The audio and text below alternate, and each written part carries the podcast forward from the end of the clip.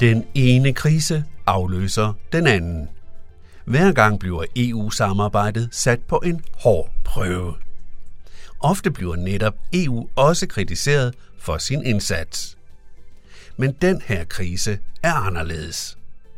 De skyd høje energipriser gør for alvor ondt på europæerne. Inflationen gør tingene endnu værre, og spørgsmålet er, om det kan være begyndelsen på enden for det samarbejde, vi har været en del af i 50 år. For mens europæerne vil have, at netop EU skal komme med løsningerne på problemerne, så er protesterne imod det europæiske samarbejde bestemt ikke forstummet. Tværtimod. Populistiske partier og landsledere udnytter utilfredsheden. Så her følger udsendelsen Knald eller fald for EU.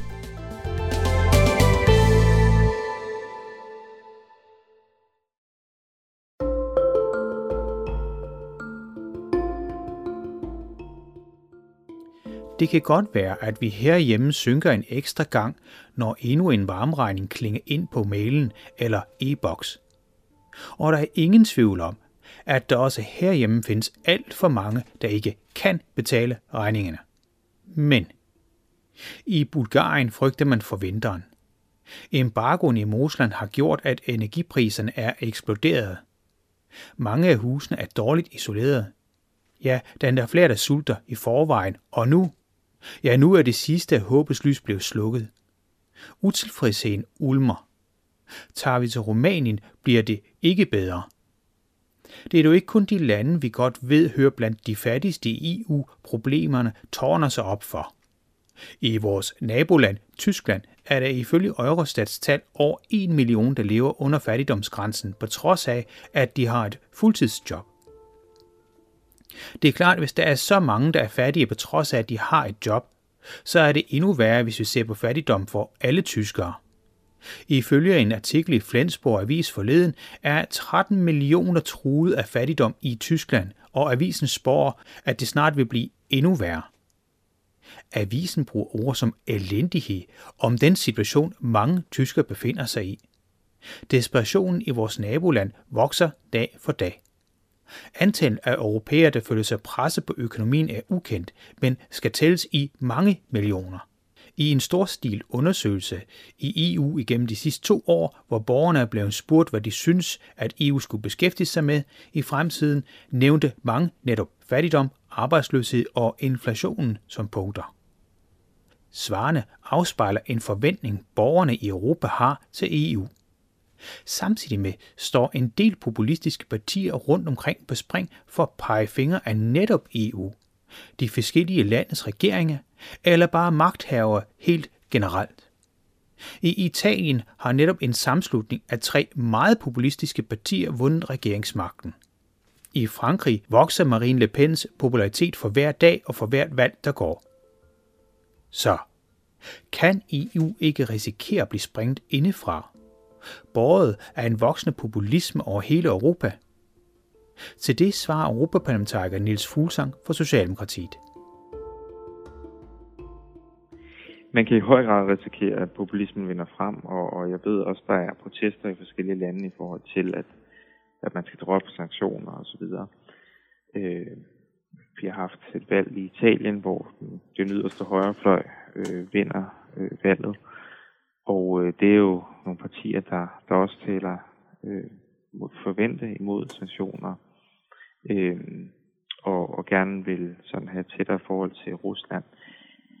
Øhm, og, og jeg tror, det bliver afgørende, at vi formår at håndtere det her. Det er en krise, altså det er en meget alvorlig situation, øhm, vi står i. Øhm, men øh, det, det handler jo både om vores sanktioner, det handler også om, at Putin har, har skruet ned for gassen. Altså, vi har jo ikke lavet nogen sanktioner mod gas. Det er Putin selv, der har, der har skruet ned på, jeg tror, 20 procent af, hvad han solgte før i tiden, altså, sidste år til os.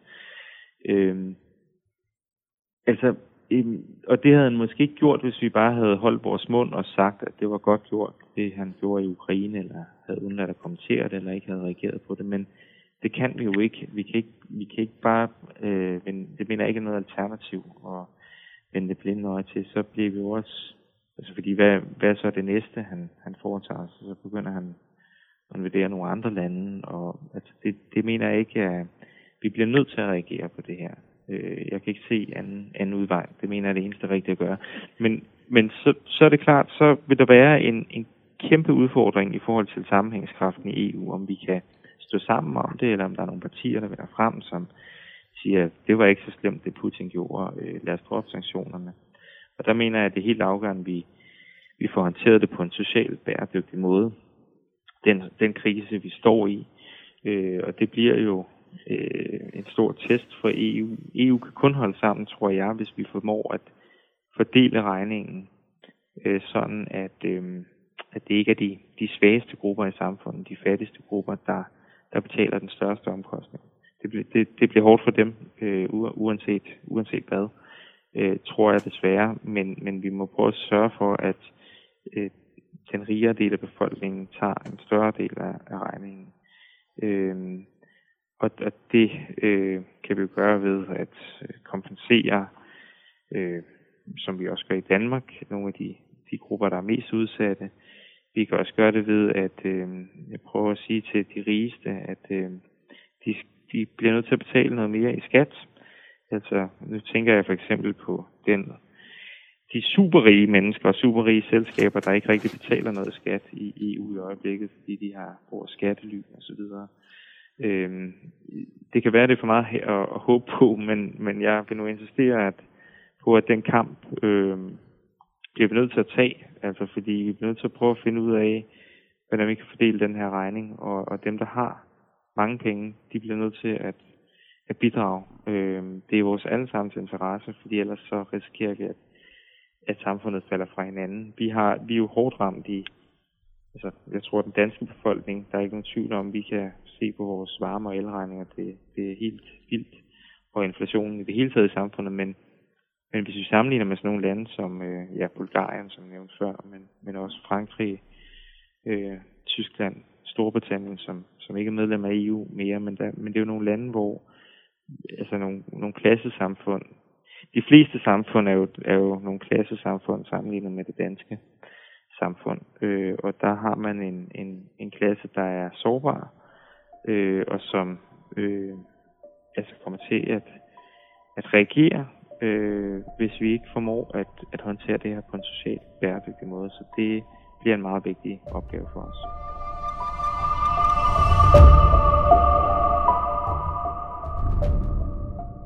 Sådan sagde altså Niels Fuglsang. Han er valgt ind i Europaparlamentet for Socialdemokratiet. Nøglen til, at EU's samlingskraft ikke bliver truet, er altså, at de fattigste borgere i den europæiske samslutning får hjælp. Den hjælp skal komme fra de rigeste, ikke bare personer, men også virksomheder. En øget omfordeling, som den slags hedder i fagsproget. Oversat til litteraturens verden mere Robin Hood altså. Nils Fuglsang forudser en hård kamp. Det er han ikke enig om. Som du om lidt kan høre, så er Pernille Weiss, konservativ europaparlamentariker, enig i, at EU er truet. Mens de dog er enige om diagnosen, så er hendes medicin anderledes. I første omgang så stiller jeg hende det her noget lange spørgsmål. Pernille Weiss, du øh, er jo europaparlamentariker i, øh, for de konservative, og vi ser frem, vi ser på et valg i Italien, og vi ser på, på øh, Orbán på den anden side, vi ser også på nogle sanktioner, som blev indført, men ikke er helt enige om osv.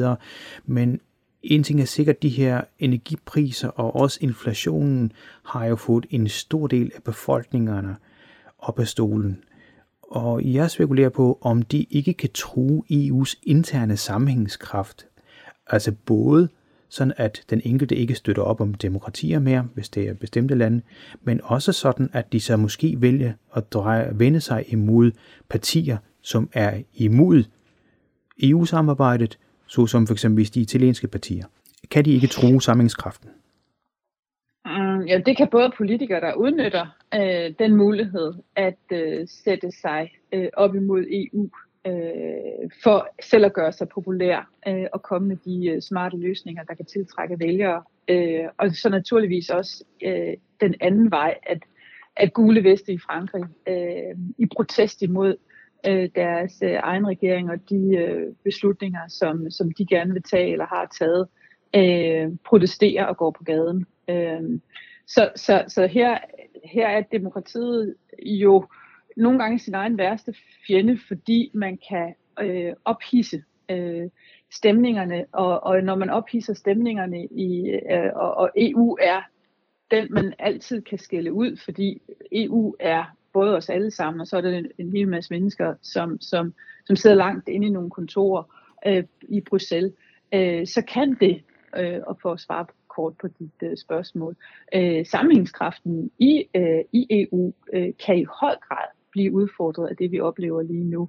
I Italien, øh, i Ungarn, men også det, der sker i, øh, i Polen og andre steder, og hvor vi skal være opmærksom på, at det ikke kun handler om, at der er en strømning, der går imod EU og mod højere ekstremismen, men der er også politiske strømninger, som går øh, i den modsatte retning, altså hvor det er, er venstreorienteret øh, og i bund og grund, øh, vil ikke engang kalde dem socialistiske, men går langt mere i en kommunistisk, øh, ensrettende, unionsagtig retning, øh, og som argumenterer for, at vi skal, vi skal lave øh, øh EU's forenede stater, ophæve nationalstaterne. Vi skal alle have samme rettigheder, samme pligter, samme måder at, øh, at gøre alting på i hele øh, Europa.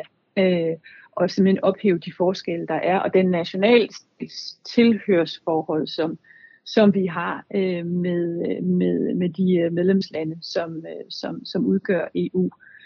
Så det er i høj grad på spil øh, i begge retninger af det politiske øh, spektrum, øh, og også med, med EU som, som det nogle gange øh, øh, villige instrument, man kan blive øh, rigtig, rigtig vred på, eller kan blive rigtig, rigtig glad for, alt afhængig af, om man nu er enig i det, som, øh, som typisk kommissionen siger, eller, eller vi i Europaparlamentet øh, kan blive mere eller mindre enige om, at, at, at synes, vi skal gøre alle sammen. Men lige præcis det der højrepopulisme, og sådan set også venstrepopulismen, kan man jo også kalde det, fordi lige præcis i Italien, som vi jo lagde ud med, der er det jo både venstrepopulister og højrepopulister, der sjovt nok spiller sammen. Altså vi snakker jo om, øh, om Mussolinis efterfølger faktisk, som Mussolini, altså, ja. der, som var Hitlers forbillede faktisk, som ikke ret mange ved. Men, men øh, den her, de her 10% i Tyskland, for eksempel, som grundlæggende ikke stole på regeringen, øh, som også gik ud og demonstrerede mod, corona, fordi de ikke mente, at den mm. fandtes. Der er protester i, øh, altså England har jo ligefrem meldt sig ud, øh, som jeg ser mm. det måske endda en form for øh, mm. populisme. Man kan se, at øh, visse lande begynder at snakke om, at det vil de ikke være med til. Vi kan også tale om sanktioner, som er indført fra EU's side, som er frygtelig upopulære i, i, øh, i Europa er det her, øh, kan man frygte, at det her i virkeligheden er starten på slutningen af EU? Eller er EU stærk nok, sådan som du ser det, øh, Pernille Weiss, at, at, at, at det kan hænge sammen? Måske er det måske det modsatte, at det risikerer at blive endnu stærkere?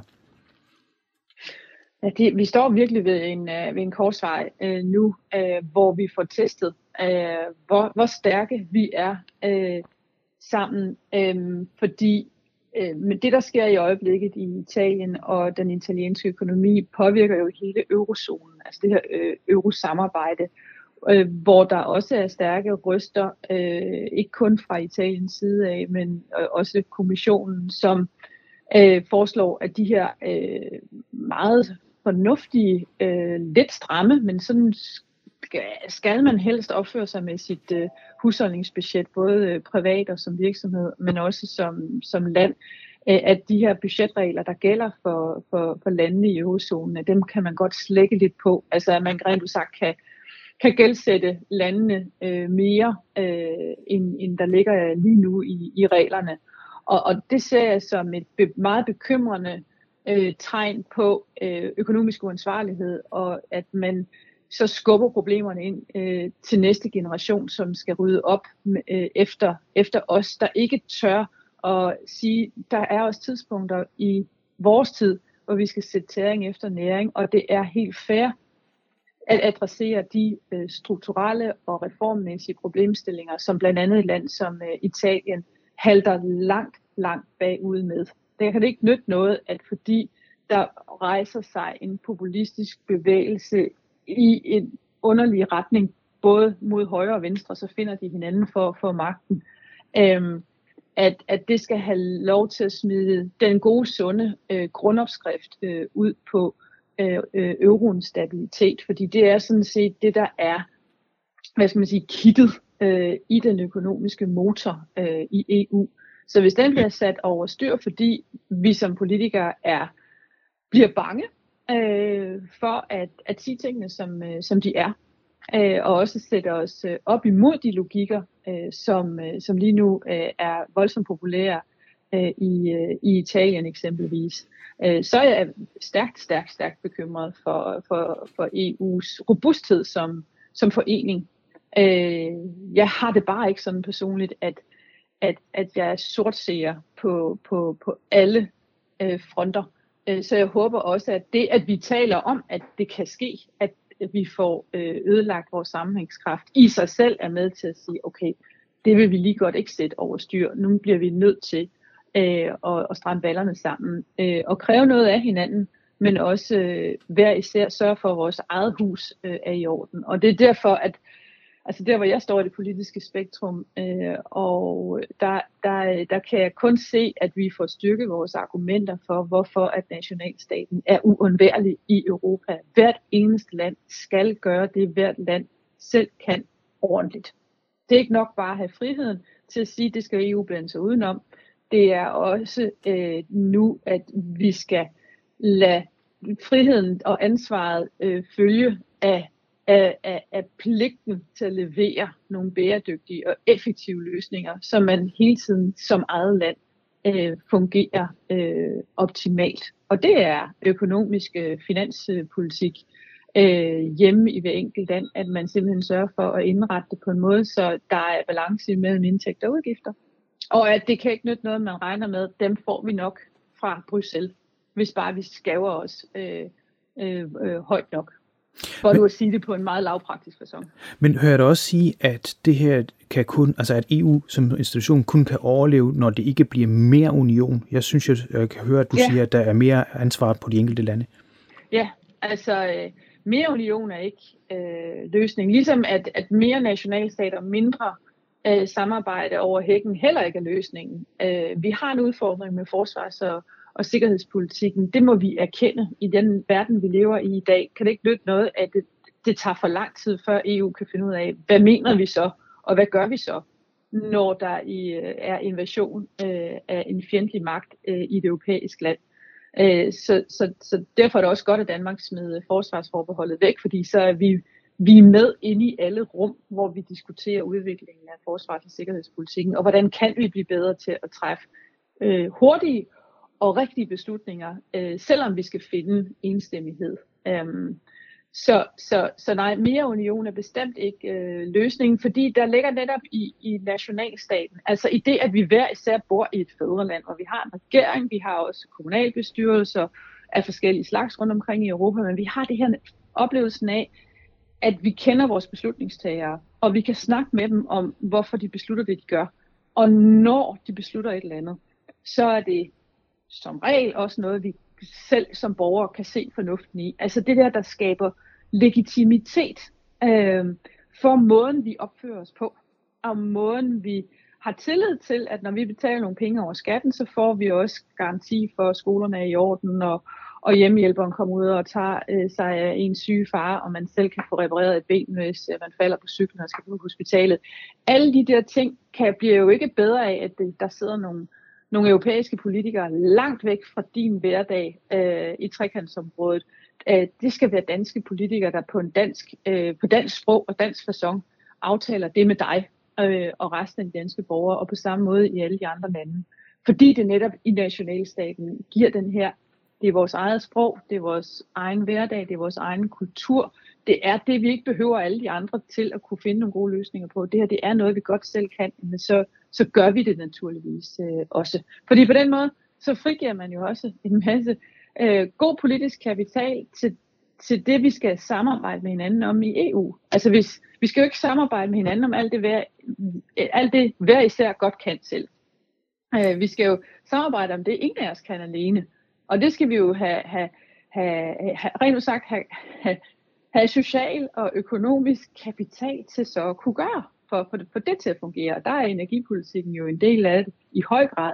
Så er det hele vores øh, handelspolitik og måden, vi som, som virksomheder kan, kan, kan fragte varer og råvarer ud og ind af unionen. Det er jo noget, intet land kan gøre på egen hånd. Altså hvis Danmark selv skulle have gjort det efter 2. verdenskrig, så var vi jo slet ikke derhenne, øh, hvor vi er i dag rent økonomisk. Det er jo en, en, en vækst og velstand, vi har fået i kraft af, at vi er en del af dels det indre marked, en halv milliard øh, borgere, men også at vi via EU's handelsaftaler med resten af, af verden øh, kan, kan, kan få vores varer ud på nogle færre øh, og nogle ordentlige vilkår.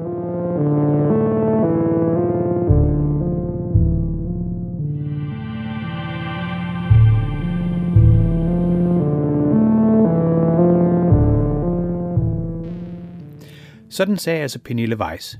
Hun mener altså bestemt, at EU's sammenhængskraft er truet. Ikke mindst af partier, der bruger EU som søndebuk.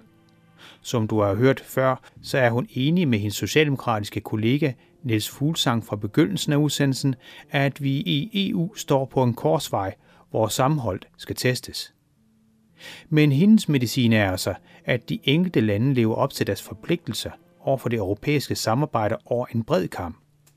Om det så er budgetansvar eller ansvar for de fællespolitiske beslutninger. Netop derfor er nationalstaterne en vigtig brik. Men samtidig er EU også et organ, der kan løfte opgaver, som intet eller få lande kan løfte alene. Et godt eksempel er måske coronaepidemien, hvor EU prøvede at presse medicinalindustrier til de billigste priser, samtidig med at EU-kommissionen prøvede at sikre et fælles fodslag. De planer lykkedes dog ikke helt. For eksempelvis gik Tyskland ene gang og fik indkøbt vaccine udenom EU også.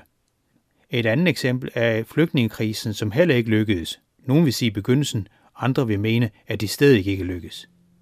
Dog står en ting ikke til diskussion, at et land som Danmark ikke alene vil være i stand til at forhandle en aftale på plads med et land som Tyrkiet. Så fællesskab gør som bekendt stærk.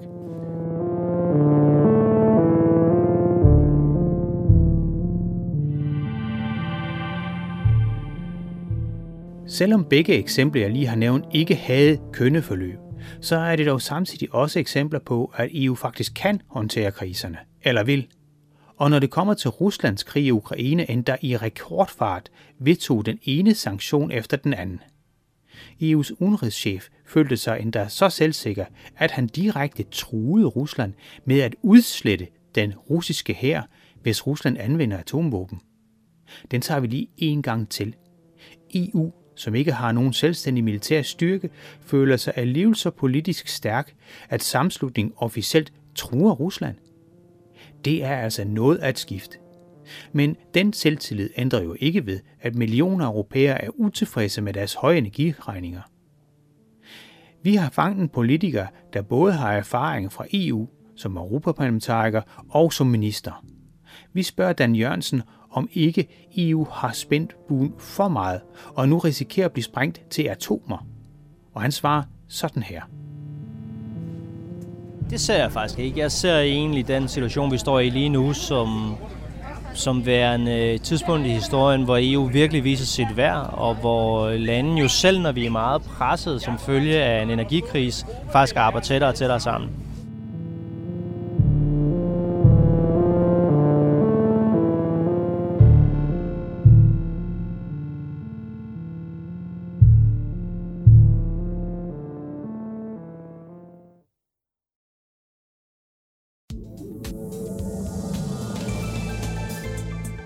Har hørt Dan Jørgensen. Før ham var det Pernille Weiss fra det konservative Folkeparti. Og før hende, der var det Niels Fuglsang fra Socialdemokratiet. De to sidste nævnte sidder begge i Europaparlamentet.